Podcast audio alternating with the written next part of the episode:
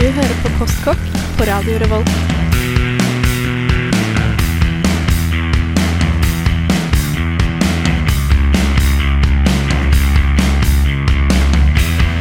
Mm, kostkokk.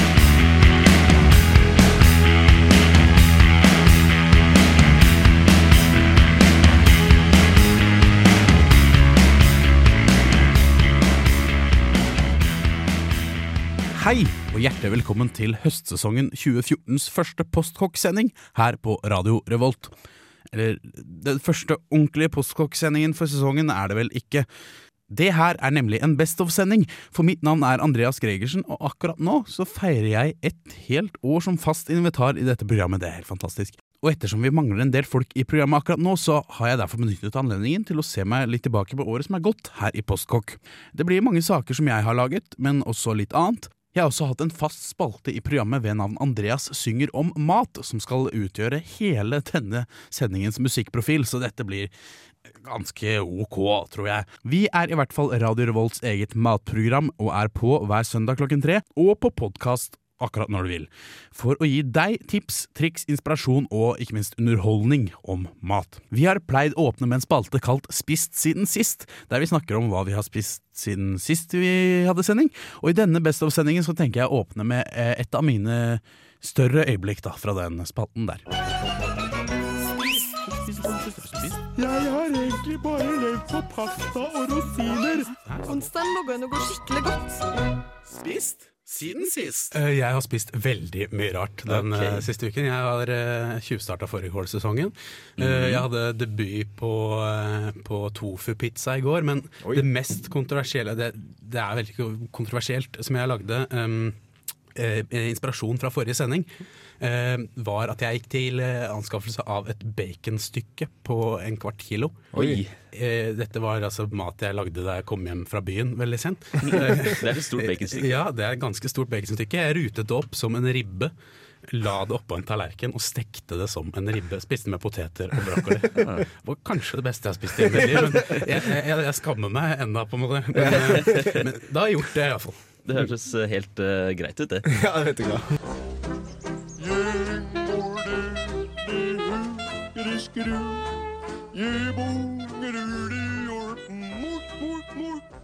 hører du på Postkokk! Jepp, Postkokk på Radio Revolt er det du hører på nå, og ja, det var altså min baconribbe fra mitt andre program og spalten Spist siden sist. Det var også programmet da jeg begynte min relativt faste spalte Andreas synger om mat, som vi utelukkende skal spille låter fra i dag. Det er jo ikke til å stikke under en stol at enkelte av disse låtene er litt rare, så for å markere når de kommer i løpet av programmet, så vil du altså høre en jingle som høres slik ut. En opera om mariekjeks, death metal om palmeolje. Andreas synger om mat. Og den første sangen dere skal få høre, det er min boyband-låt om kylling, som var den første låta jeg lagde med ordentlig produksjon, eh, og den andre låta jeg lagde vel totalt sett. Innslaget ble også tildelt prisen for beste humorinnslag under Studentmedienes interne prisutdeling i 2013, og da blir man jo litt stolt og vil spille det i reprise, sånn som jeg gjør nå. Så mine damer og herrer, nok en gang her i Postkokket på Radio Revolt, Andreas Gregersen, eller meg da, med boyband-låta Hva er det egentlig kyllingen smaker for noe?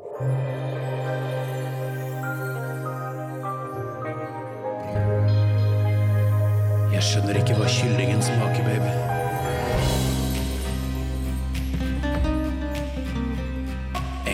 Kompis fortalte på byen i går at i noen land spiser de gjærede blekksprutringer og klapper hare og froskelår.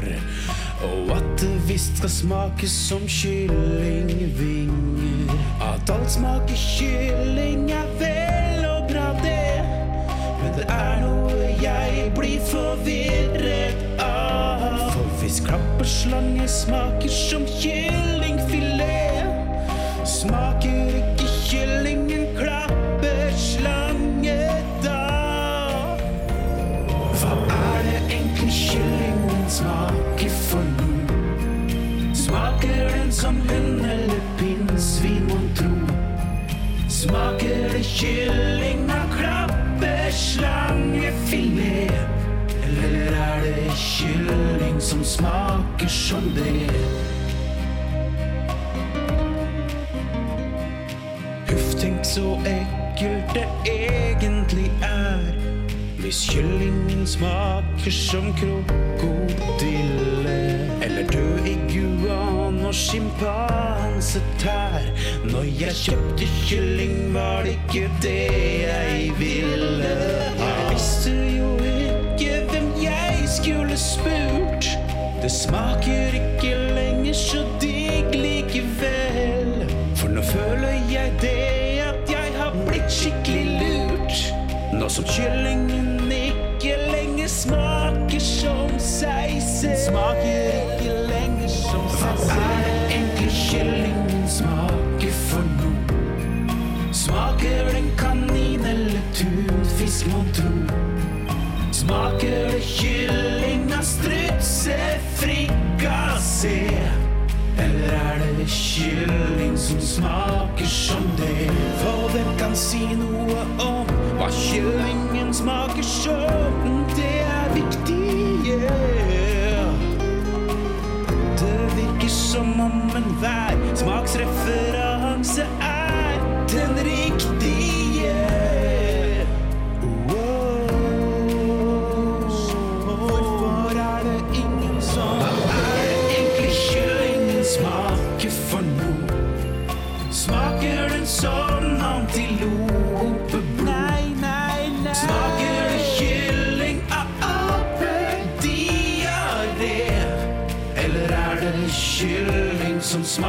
smaker som det? Er det egentlig kyllingen smaker for noen?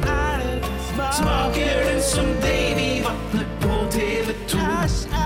Smaker den kyllinga fritert fritert bichon frisé? Eller er det kylling som smaker som det? Postkokk!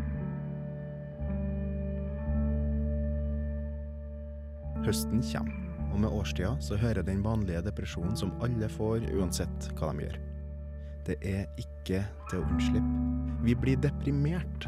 Så deprimert at vi ikke orker noe annet enn å se på illustrasjonsfoto av folk som henger med hodet, gjerne i hånda, og ser håpløs ut.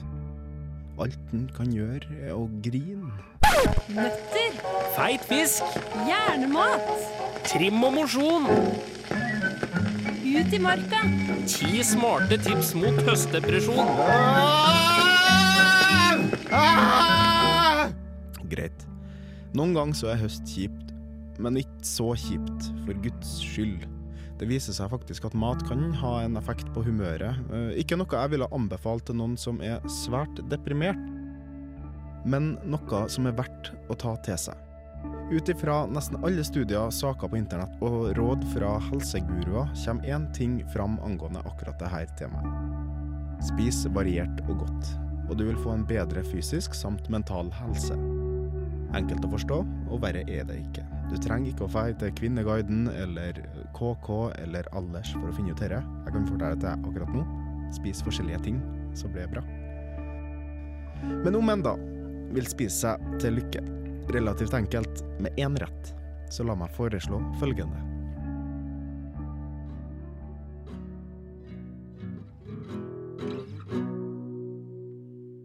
Brasert lam.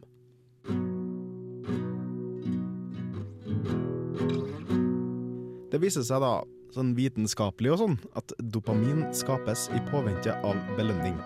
Så la oss lage en rett som fyller stua di med de herligste dufter, og tar en liten evighet å lage. Egentlig ikke. Du gjør følgende.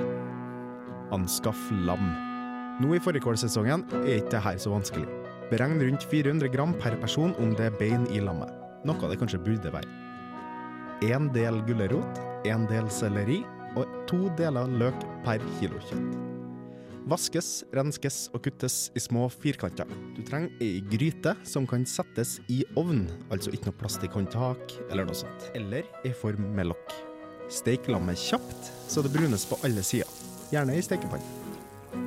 Du kan også hakke opp noen hvitløksbåter og masse smør når du gjør dette. Hell de rå, firkanta grønnsakene nederst i kjelen eller forma. Fyll på med rødvin, kraft, buljong eller og eplejus. Fram til at du nesten dekker grønnsakene i bunnen. Legg lammet oppå. Sett i ovn, forvarma på 180 grader, og legg i noen krydder du liker. Gode tips er rosmarin, laurbærblad, timian, mer hvitløk eller lignende.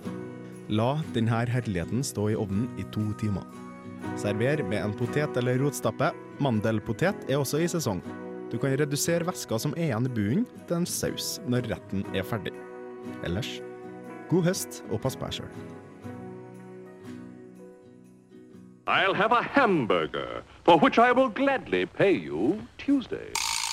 Du hørte nettopp Erik Vibes sak om brasiert lam. Ja, en veldig god sak, for det er jo ikke sånn at det er bare jeg som lager saker i Postkokk på Radio Revolt. Og jeg skal spille litt flere innslag i løpet av denne sendingen, så det er bare å henge med. Men vi fortsetter med litt mer musikk, vi.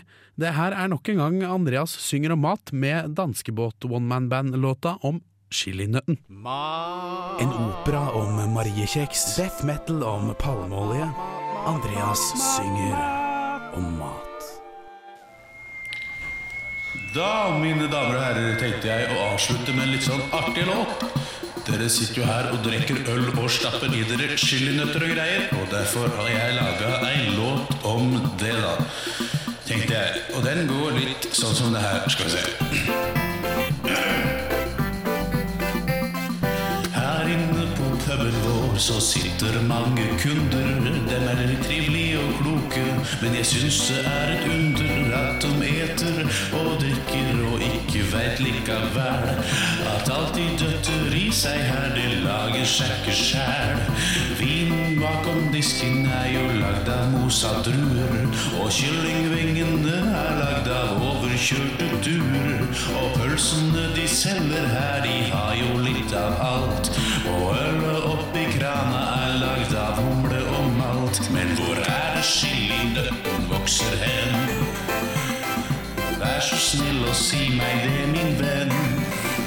Vokser her eller i Afrika blant skumle buskemenn?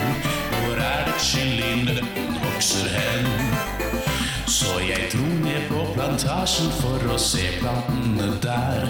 Som man kunne gro, og som gir nøtter eller bær. Men å finne chilinøtteplanter, der var heller verre.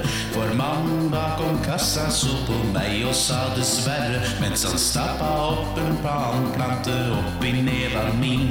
Og sa det vokser ikke chilinøtter på den, men den er fin. Så jeg tror han bare kødda, for det ble ikke noe av noen chilinøtteplante. Og han flira da jeg sa hvis man ikke plukker chilinøtter av. Så svar meg hvor de vokser da, for faen. Vokser de på chilimannens forplantningsorgan hvis man ikke plukker chilinøtter av? Jeg gikk sur ut av plantasjen, satt meg ned og var litt snurt av å ikke å ha funnet noen chilinøtteurt. Og akkurat før jeg var i ferd med å gå fra vettet, så tenkte jeg at det var lurt å sjekke internettet. For jeg leita rundt på nett og spurte er det noen som vet. Og gikk inn på hjemmesiden til et universitet. Der fant jeg mailen til en doktor borti Uniten et sted. Så da tok jeg fram computeren og skrev følgende beskjed. How does the chili nuts grow? Tell me why. Vi kan gå høyre. How does the chili nuts grow? Tell me why. Vi kan gå enda høyere. How does the chili nuts grow? Tell me why. Vi kan faktisk gå høyere enn det her. How does the chili nuts grow? Tell me why. Skal vi se hvor høyt det er mulig å gå. How does the chili nuts grow? Tell me why. Nå er vi høyt nok, tror jeg. Does they only grow in hot sun in July? Does they grow in Sweden or in the Democratic Republic of Paraguay? They don't grow anywhere, sa han sa goodbye. Og det var de sa det ikke mer, så da var sangen ferdig. Ja, skal vi se om vi får skrudd av den dritten her, da. Ja. Der skal vi. Nei. Det, det, ikke Der, ja.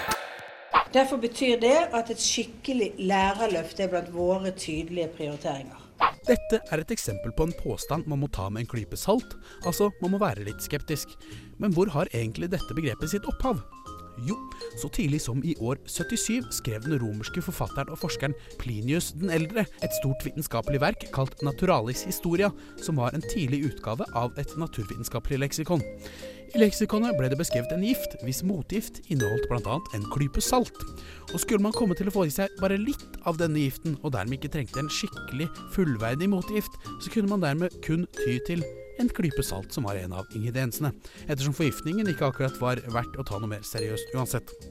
Og siden den gang har man altså tatt mindre troverdige og seriøse tilfeller og uttalelser med nettopp en klype salt. Hei, det er Hanne. Og Kjetil. Fra Dråpe, og du hører på Postkak. Du hører på Postkak, ja, på Radio Revolt. Smatting på radio, det er jo egentlig ikke lov.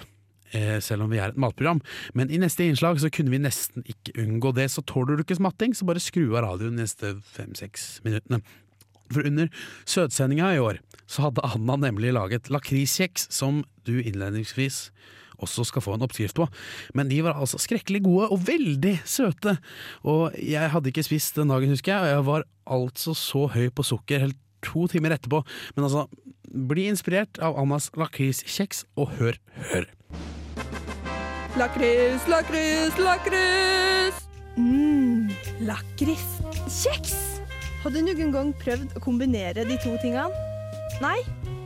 For det har jeg. I går.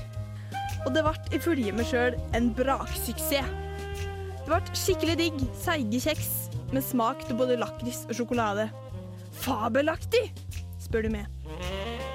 Men hva er det egentlig som gjør dem som sabla gode da, tenker du kanskje. Lakris i kjeks! Hva er det du snakker om?! Jo, det må nok være kombinasjon av den gode, litt krydderaktige, ekte lakrissmaken med herlige, søte sjokoladekjeks. Mm. Jeg brukte et fancy rålakrispulver fra den danske lakrisfabrikken Johan Bylov, og noen lakrisbiter fra sommerprodusent. Og ikke nok med det, men i siste batch så putta jeg jammen oppi litt søt lakrissirup på. Det kan vel ikke bli for mye av en god ting, kan det vel? Attende og kjeksene. 200 gram hvitt sukker og 75 gram brunt sukker blandes med 150 gram mjukt meierismør. Viktig med mjukt smør. Margarin er for pyser! Bruk gjerne kjøkkenmaskin, miksmaster eller en god stavmikser om du har noe slikt. Det gjør jobben langt lettere, for dette skal røres godt til ei jevn og mjuk masse. Så putter du oppi ett egg og rører godt. Så putter du oppi ett egg til og rører jammen enda mer. Og nå skal du ha ei jevn og mjuk masse. Nå trenger du ei liter teskje salt og 300 gram kveitmjøl for å gjøre massa litt fastere. Og så rører du. Igjen. Og nå kommer alt det digge som du kan tjuvsmokke på mens du gjør det klart. Lakris! Seks teskjeer lakrispulver. 100 gram hakka mørk kokesjokolade. 75 gram grovhakka mandler om du har lyst på det. Og gjerne litt hakka lakrisbiter. Det gjorde det litt ekstra, syns jeg. Bruk fantasien her. Marshmallows, Nonstop, Seigmen, whatever! Bland alt til ei jammen masse, og sett deigklatte på steikebrett med ei skei. Jeg steiker ovnen i 8-9 minutter, men følg godt med her, for hvis du steiker dem for lenge, så blir de harde og smaker ikke like mye lakris. Da gjenstår det bare å høre om andre syns de ble like gode som meg, da. Og det skal vi vurdere nå, for Anne har tatt med seg disse lakriskjeksene sine. Ja! Eller eh, lakriskjeksene, som du kaller det. Vi diskuterte litt hvordan man egentlig sier det.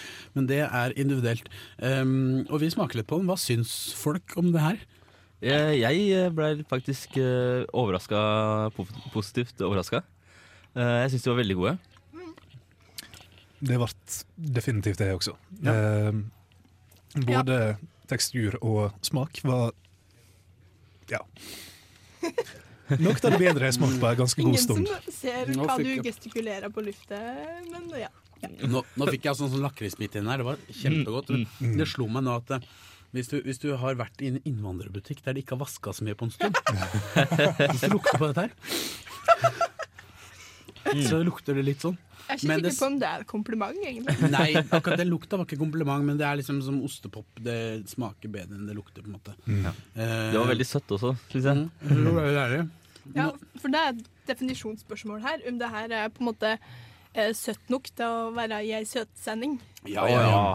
Det her er så søtt at jeg helst skulle hatt uh, kaffe uten sukker til, eller eh, te Mm. uten sukker, eller et eller annet. Mm. Som, litt sånn bittert som for å veie opp, da. Det kunne vært mindre søtt, på en måte, uh, tror jeg. Uh, men det kler at det er litt søtt når det er kjeks. Men nå skal jeg smake Mm. på den der andre hvor du hadde mer lakrissirup. var det? Ja, for oss har jo to typer her. Mm. Eh, en som inneholder eh, lakrispulver og litt hakka lakris Mm. i lag med sjokolade og mandler.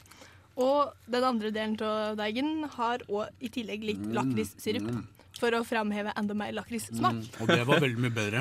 Så du likte den det best? mye, mye smatting. Jeg syns egentlig den som hadde den milde lakrissmaken, var best. Altså, men, eh, Nei, jeg er veldig glad i lakriss lakris. Det. Det var noen sånne store biter i den jeg fikk, da. Ja. Det var bra.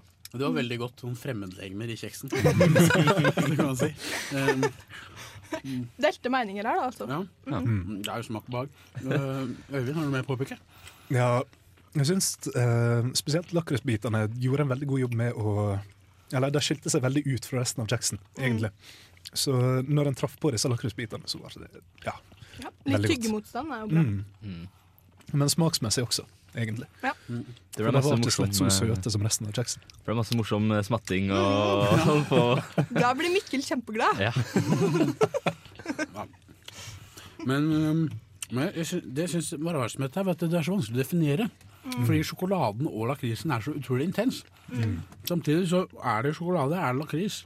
Mm. Er det, hva er det? det er godt i hvert fall. Det var det veldig godt. Det kan vi være enige om, Det er litt sånn som det er med Simon, og det har jeg hørt er en kjønnsforskjell. Jeg vet ikke, hvem. Det kan vi ta når vi er forskjellige kjønn her i studio også. Ja. Um, at, at jeg sliter litt med å definere at hadde, hadde du servert meg det her, så hadde jeg likt det. Jeg hadde kjent lakrisen etter hvert. For det kommer en sånn smak. Men så hadde jeg tenkt da smaker det. Det smaker kjeks. Ja. Det smaker godt. Og sånn er det om seigmenn. Søte ting. Um, uh, særlig menn. Det er undersøkt at flest menn, hvis du gir en menn en, en gul seigmann, så vil mannen si den smaker seigmann. Mens kvinnen vil si at dette smaker ananas. Men Eller kunstig kunstig Jeg trodde det var et myte at de smakte forskjellige ting. Altså. Jeg trodde nesten det var en myte at de smakte forskjellige ting. De smaker faktisk- De smaker jo sukker. Ja, men seriøst, kjenner dere ikke forskjell på hvis, jeg, hvis jeg virkelig liksom skal smake, så, men, men når jeg bare spiser, så merker jeg ikke forskjell på de forskjellige fargene. Da er det bare sukker alt sammen. Gjør du Liksom. det? Ja, ved seire, det, altså. Merker du forskjell på seigmenn? Absolutt. Og jeg trodde Eh, det var sånn at ingen av mennene er en større eller gutt. Eller hva skal vi At vi ikke OK. Men riktignok skal sies at jeg bruker å kanskje ødelegge litt for meg sjøl, fordi jeg spiser flere forskjellige sorter på én gang. Ja, da smaker du å være seigmenn. Ja, ikke sant? Kanskje du egentlig er litt dame? Men uh, vi er delt i det spørsmålet her, altså. Ja, vi er delt. Jeg, tror- jeg hørte det av en, av en eh, gammel naturfagslærer som jeg hadde en gang, at det var en, kanskje den mest vesentlige forskjellen på kvinner og menn i, verden. Ja. Um, Hmm. men, men dette var veldig vellykket med lakriskjeks. Men Um, kan du liksom få en konklusjon? Er dette her noe jeg burde logge mer ut av? Ja. Definitivt. His life is an amazing gift when you think about what you get with a basic life. You get to eat food, you get to put bacon in your mouth. I mean, when you have bacon in your mouth, it doesn't matter who's president or anything. You just, uh, uh. Postkokk. Postkokk presenterer, i samarbeid med fastelavnsbollemannen, De tre mytene om fastelavnsboller. Hei, og velkommen til De tre mytene om fastelavnsboller. I dag er det fastelavn og bolletid, og i den anledning har vi fått med oss selveste fastelavnsbollemannen. Og hei, hvordan går det der, fastelavnsbollemannen? Fastelavnsbollemannen er mitt navn. Boller vil jeg ha. Hei, og velkommen til fastelavnsbollemannen fastelavnsshow. Endelig er fastelavn her igjen. Hei, jammen på tide, gitt. Og i dag vil jeg bake boller. Oppskrift! Først så baker du boller. Så skjærer du bollene i to. Så har du på krem, navnkrem. Så sjokoladekrem. Så har du seigmenn. Så har du bamsemums. Så har du honning. Sirup, melis, kamelsert, lakris Dette leder oss inn på myte nummer én, som lyder Du kan bare ha krem, melis og kanskje syltetøy på fastelavnsbollene dine. Noe annet er fullstendig uhørt. Dette er altså bare en myte, for tvert om. Hva enn du vil ha på fastelavnsbollene etter smak og behag, gjør seg på fastelavnsbollene. Vær kreativ! Et godt tips er f.eks. å bytte ut den tradisjonelle kremen med sjokolade, vanilje eller annen type frosting som man kan finne i cupcake-oppskrifter som det i hvert fall er nok av på internett. Fastelavnsbollemannen er mitt navn. Jeg spiser fastelavnsboller hele året. Når det er så digg som det er å spise det, så er det ikke rart at jeg gjør det. Nam-nam-nam. Fastelavnsbolle. Dette leder oss til myte nummer to. Fastelavnsboller kan kun spises på fastelavn. Dette er heldigvis bare en myte, for fakta er at så fremt du er et voksent menneske, selvsagt, så kan du spise det akkurat når du vil. Kom igjen, lev livet!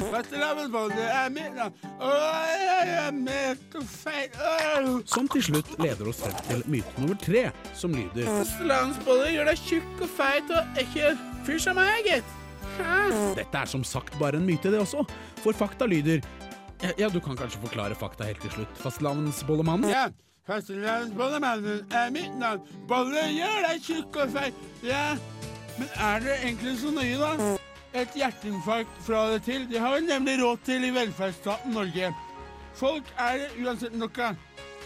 Kos deg! God fastelavn! Fastelavn er mitt navn. Boller vil jeg ha. Lander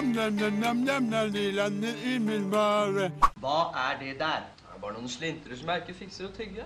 Men så spis opp det du har fått, da. Jeg sa det var seigt. Det blir ikke noe mindre seigt for dem det er dyrt, vet du.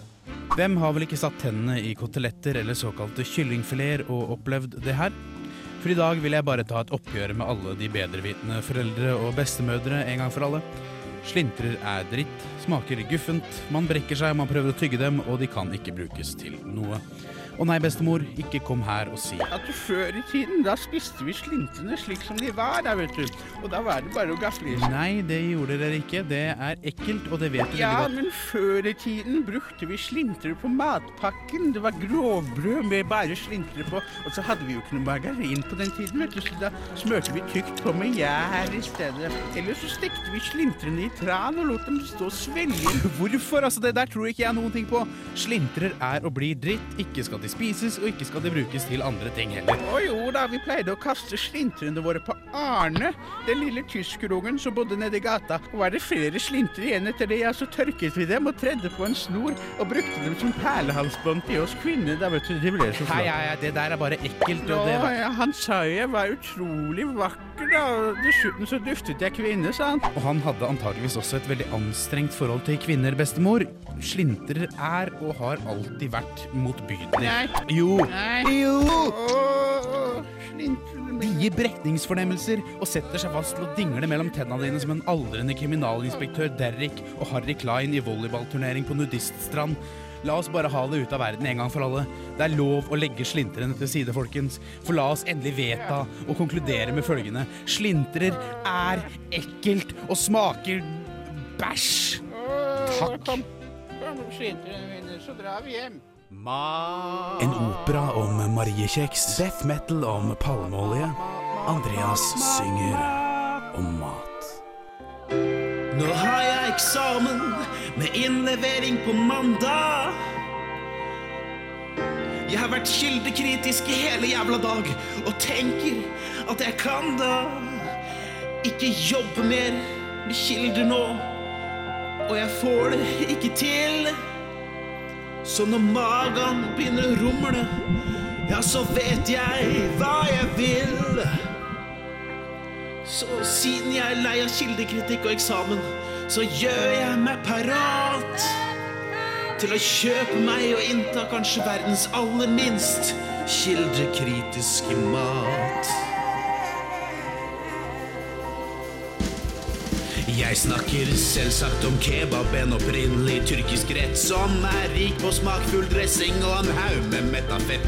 Hva annet den er rik på, unntatt rømmesaus til grisning, vet jeg ikke, fordi kebaben mangler kildehenvisning. Ja, nå som kilder er så viktig, er det rart at kebab selger. Ingen veit hvor kjøttet kommer fra, og ingen vil vite det heller, fordi de sier det er lam, men det kan være hva som helst. Katte, kråke eller ilder, samme det, for jeg er frelst. Tar jeg eksamen og en kebab, det går det lettere for meg. For skal man skrive tusenvis av ord, er det lov å kose seg. Selv om skammen alltid kommer når siste bit glir ned. For jeg veit det ikke er sunt, men jeg spiser det for det. For jeg veit, ja,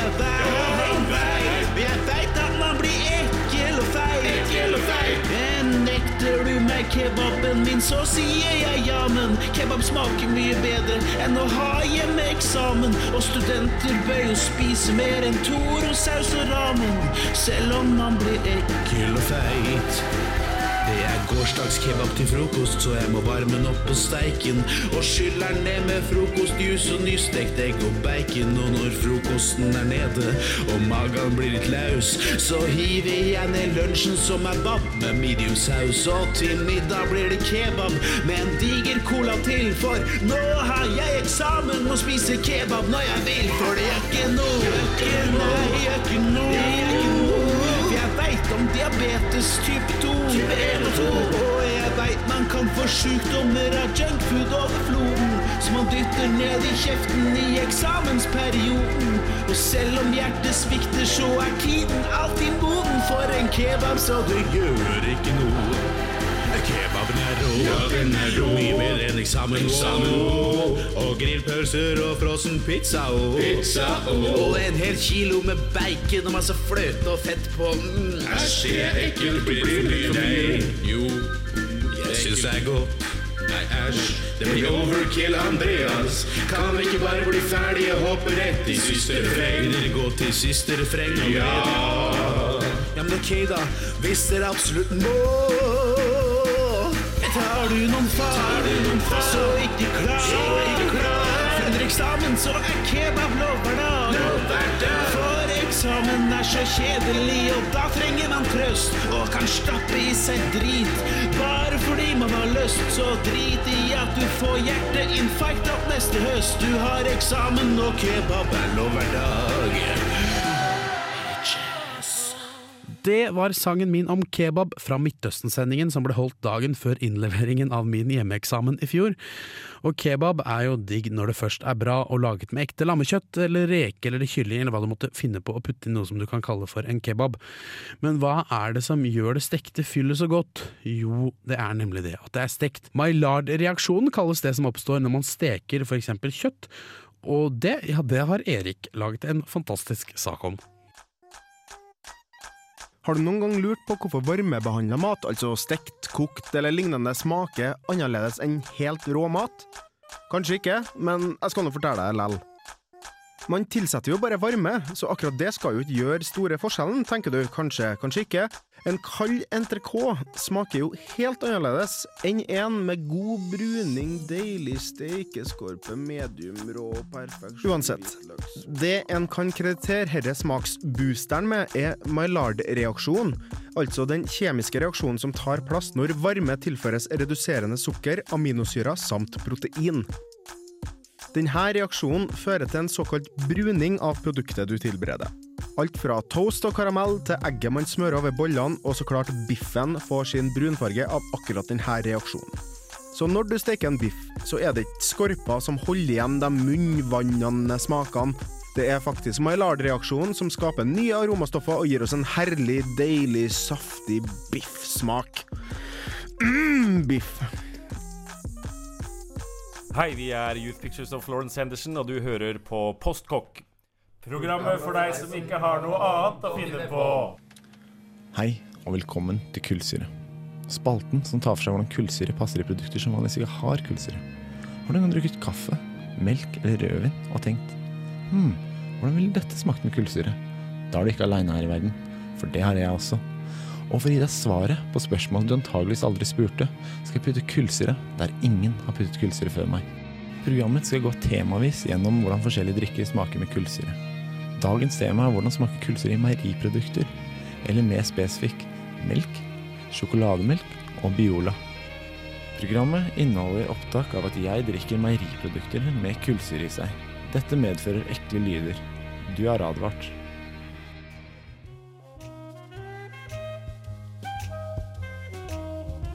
Da er det vel bare å starte å putte kullsyre på meieriprodukter, da.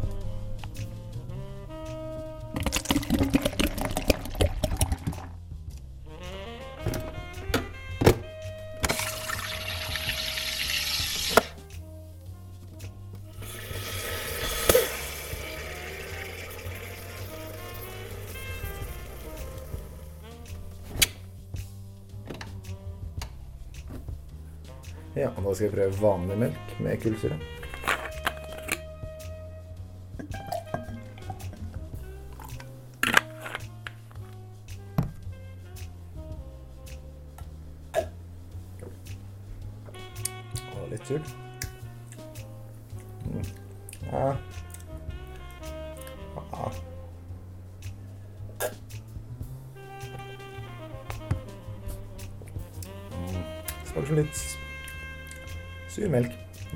Smaker sånn.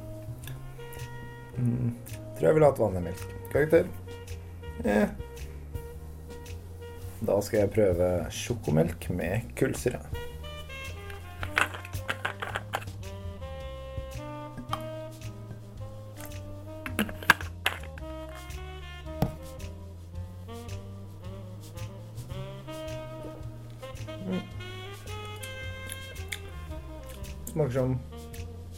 Milkshake.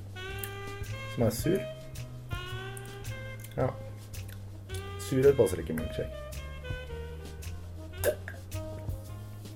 Mm. Nei. Smaker som en kjip milkshake. Ville heller ikke hatt kullsyre. Anbefaler ikke kullsyre i sjokolademelk. Tommelen Tommelen ned. Da skal jeg prøve Oi. Fått litt luft i magen av det andre. Ja, da skal jeg prøve Biol, da. Med kullsyre.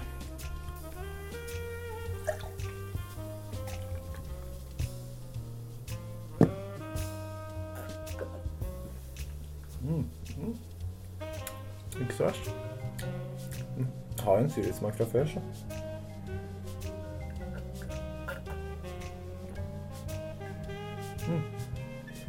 Ikke verst i det hele tatt. Karakter. Morsom.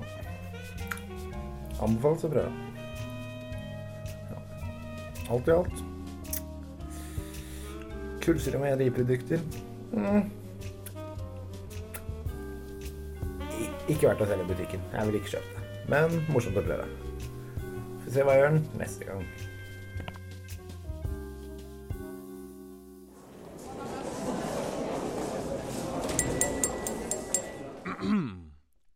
Postkokk. Det var første og eneste gang eh, spalten Kullsyre eh, var på lufta. Eh, det var altså Kullsyre, en spalte som vi bare har hatt én gang. Laget av en gjest ved navn Jørgen. Eh, er det bra? Er det informativt? Jeg vet ikke, men jeg syns det er veldig morsomt. Og såpass merkelig og rart at jeg bare ikke kunne unngå å ha det med denne Som-off eller Best of-sendingen av Postkokk på Radio Revolt, som du hører på nå. Men vi skal videre. Mer rar musikk fra Andreas synger om Mats allerede rikholdige musikkarkiv. Jeg sier ikke mer. Eh, Snurr låt. En opera om mariekjeks. Death metal om palmeolje. Andreas synger om mat.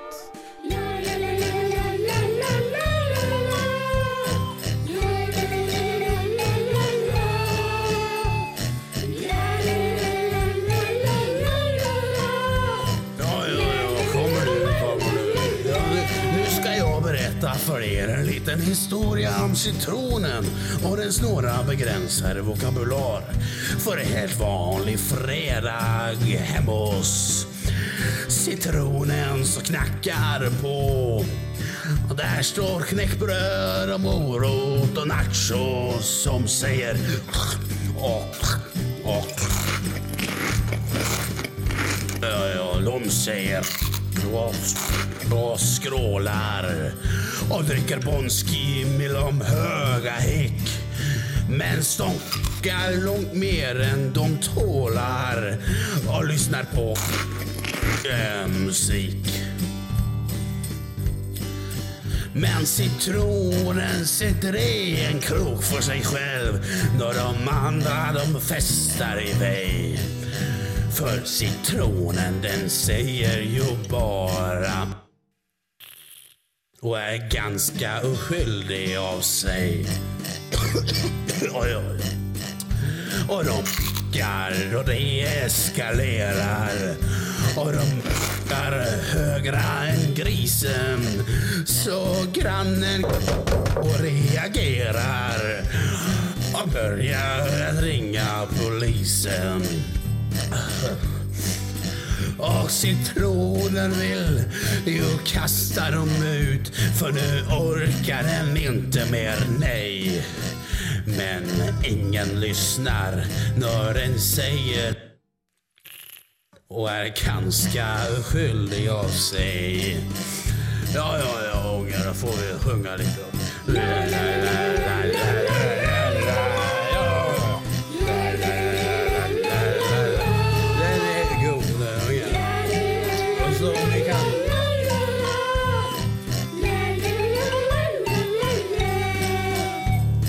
Okej ungar, vad säger kålroten? Knack, knack! Ja, riktigt. Vad, vad säger gröten? Ja, riktigt. Men, men vad säger citronen? Nej, feeling, fy fan. Ja, klart att ni barn är dumma, fast så dumma kan ni väl inte vara. Alla vet ju att citronen säger Så när polisen kommer och är på dörren Ja, så kastas de alla ut och blir åkt hem av polischauffören. Untagen citronen som bara sa Nå er guldräckan på TV og jeg kan slappe av. Så den kvällen den ble nu bra vel. Ja, det tenker citronen mens den säger och har en liten lägenheten för sig själv. Jalla, alla nu ungar! Så vi repeterar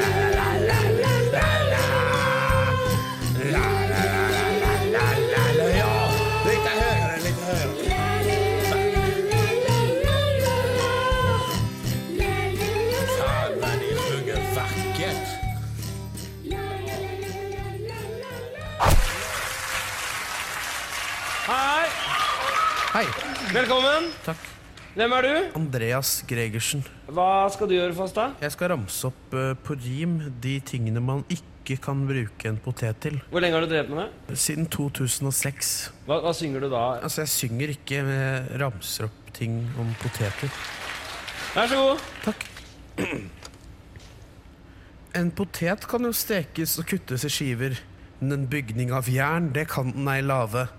Poteten kan aldri bli sorenskriver, og poteten kan aldri bli pave. Og ellers så, så kan man bruke poteten til det meste. Hvis du sånn spist og lite, så er det akkurat liksom Michael Jackson i hans tidlige år på de der søte tingene.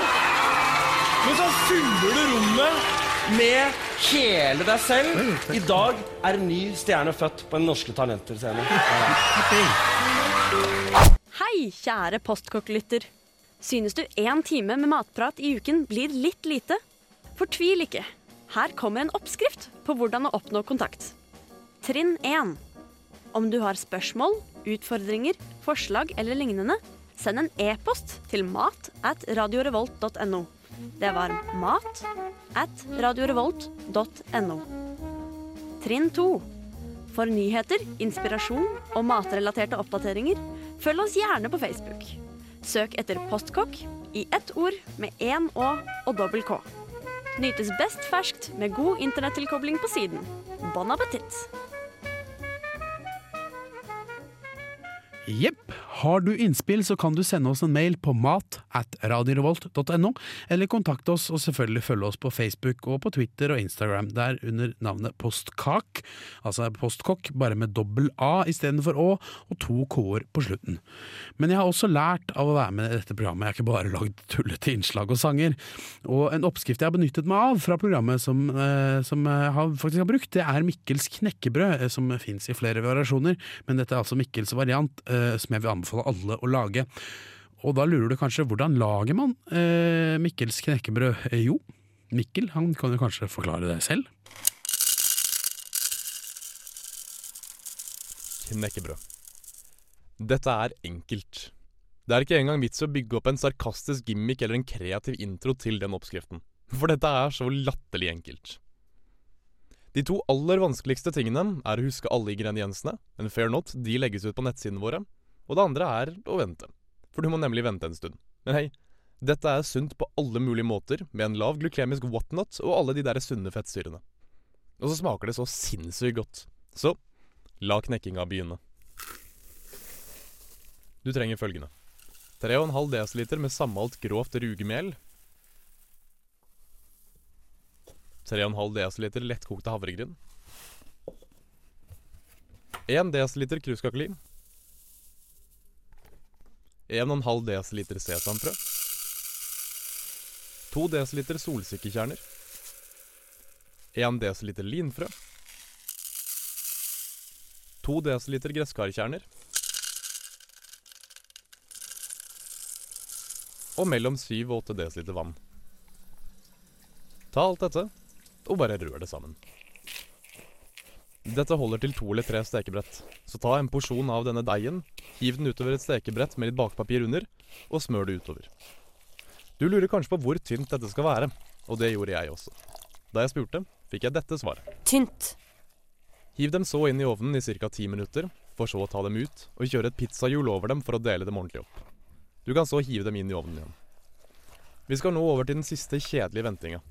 Dette skal stå i ca. en time, men det kommer veldig an på ovnen din og tykkelsen på knekkebrødene, så sjekk derfor innimellom. De er ferdige når de er blitt ordentlig tørre, og de kan ennå være bitte lite grann myke, men det er viktig at du tar dem ut før de begynner å bli brune. Så etter å ha ventet en times tid kan du ta dem ut, løsne dem fra papiret og legge dem på en rist. La dem tørke litt, for så å kjøle seg ned. Er de fortsatt myke, kan du hive dem inn i ovnen bitte lite grann til. De er ferdige når de høres slik ut.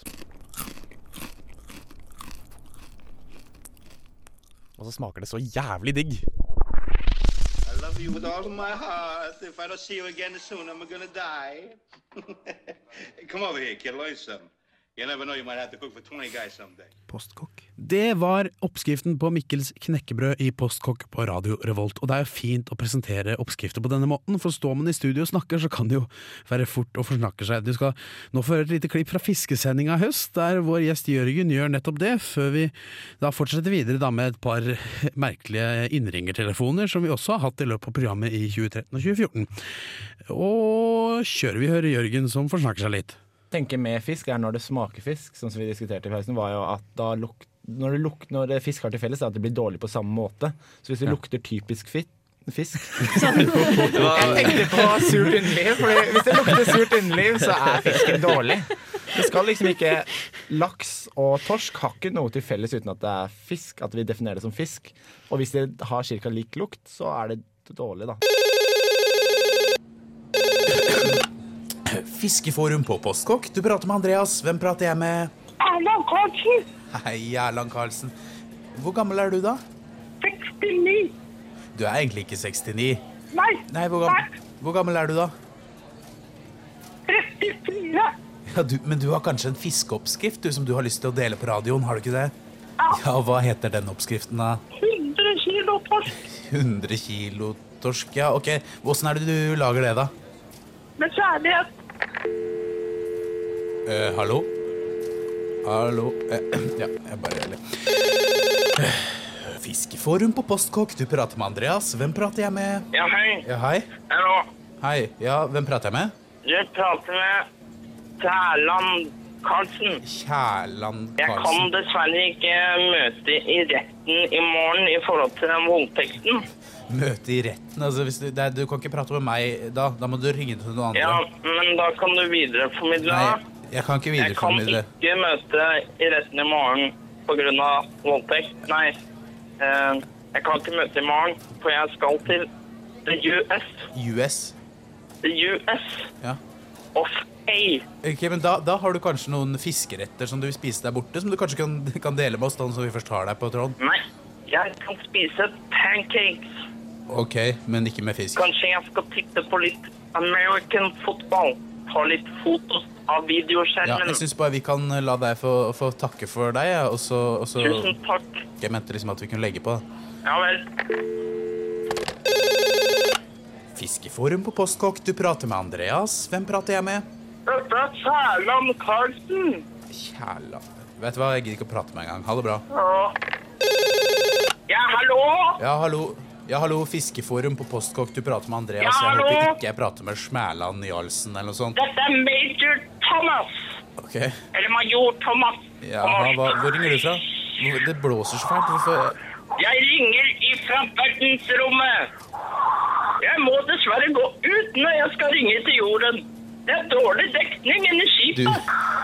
du, eh, du, du har kanskje noen fiskeoppskrifter du vil dele med oss? Jeg sitter og spiser sammen med David Bowie. Du spiser fisk nå, sammen med David Bowie? Vil du snakke med David Bowie? Er det Hvis vi kan få det på radio? David Bowie! Hallo? David Mr. Bowie? Hello. Uh, hello, is it Mr. Bowie? Setting in spice. Hallo? Det er ikke David Bowie jeg prater med nå. Det er bare Nei, Det var ikke David Bowie. Du er bare den samme fyren som har ringt inn hele tiden, ikke sant? Vil du møte en annen kjendis? Nevn! Eh, Altså, jeg ikke, det er ikke noe kjendistelefon. Det her, det her er fisketelefon. Nevn dem! kan- hvis- Altså, hvis du har du en fiskeoppskrift du deler med oss, så, så gjør det nå. Hvis ikke så legger jeg på. Ja. For jeg gidder ikke Jeg vil gjerne foreslå min fiskegrateng. Ok, hvordan er det du gjør eh, din fiskegrateng, da? Først så moser du potet, Ja, så moser du fisk, ok, og så så blander du det sammen, med krydder eller noe, eller? steker du det, Ok, så spiser du det. ok.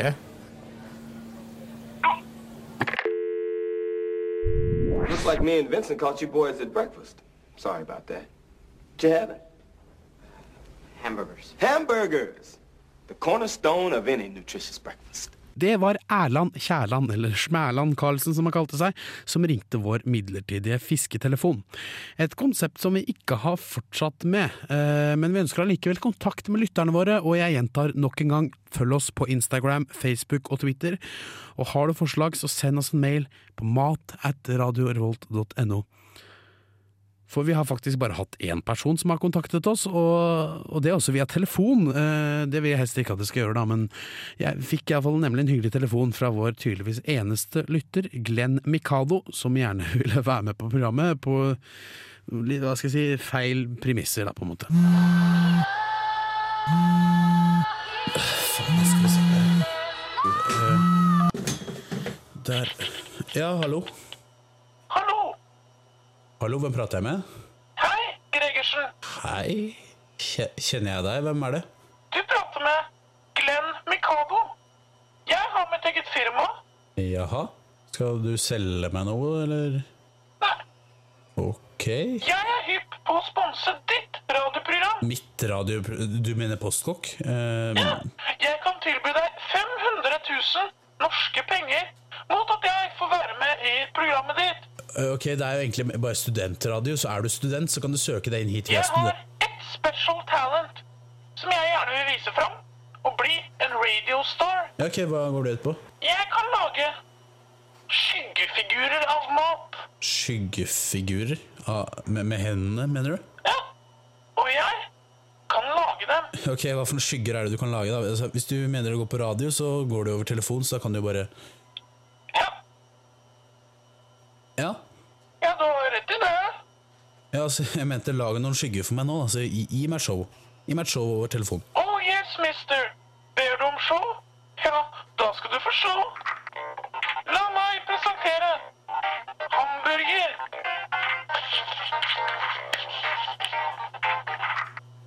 Ja? Applaus? Oi, ja, ja. Mm. Ja, eh, kan, kan du noe mer?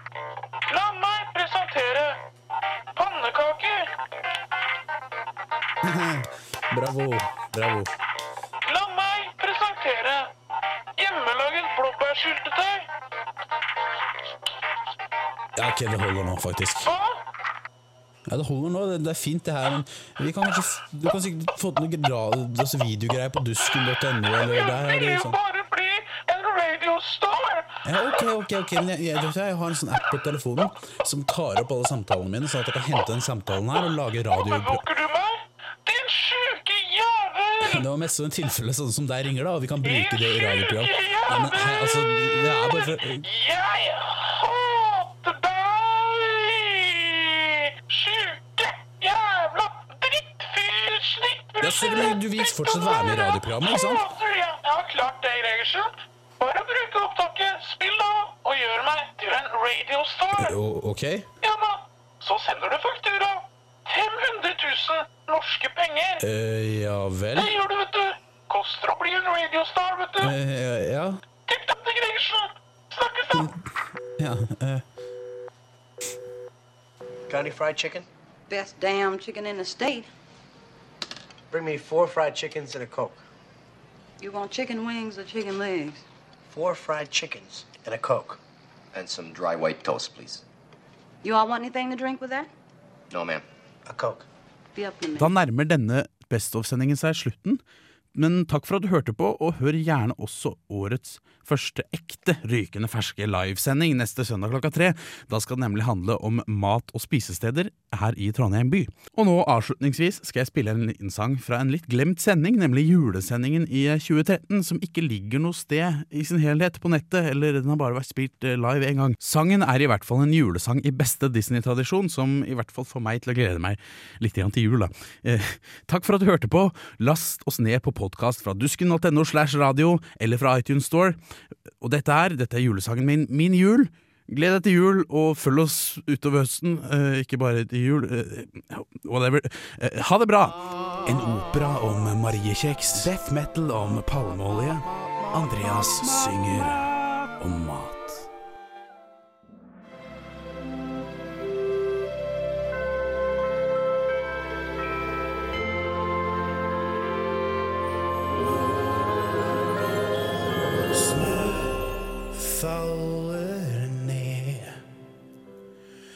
Jeg går alene rundt juletre og spiser meg mett.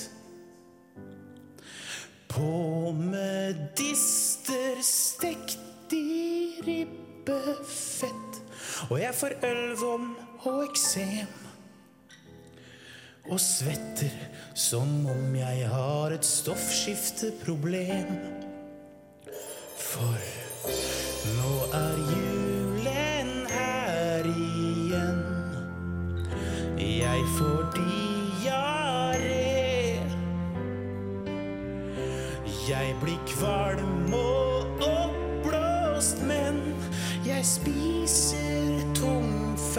tomorrow.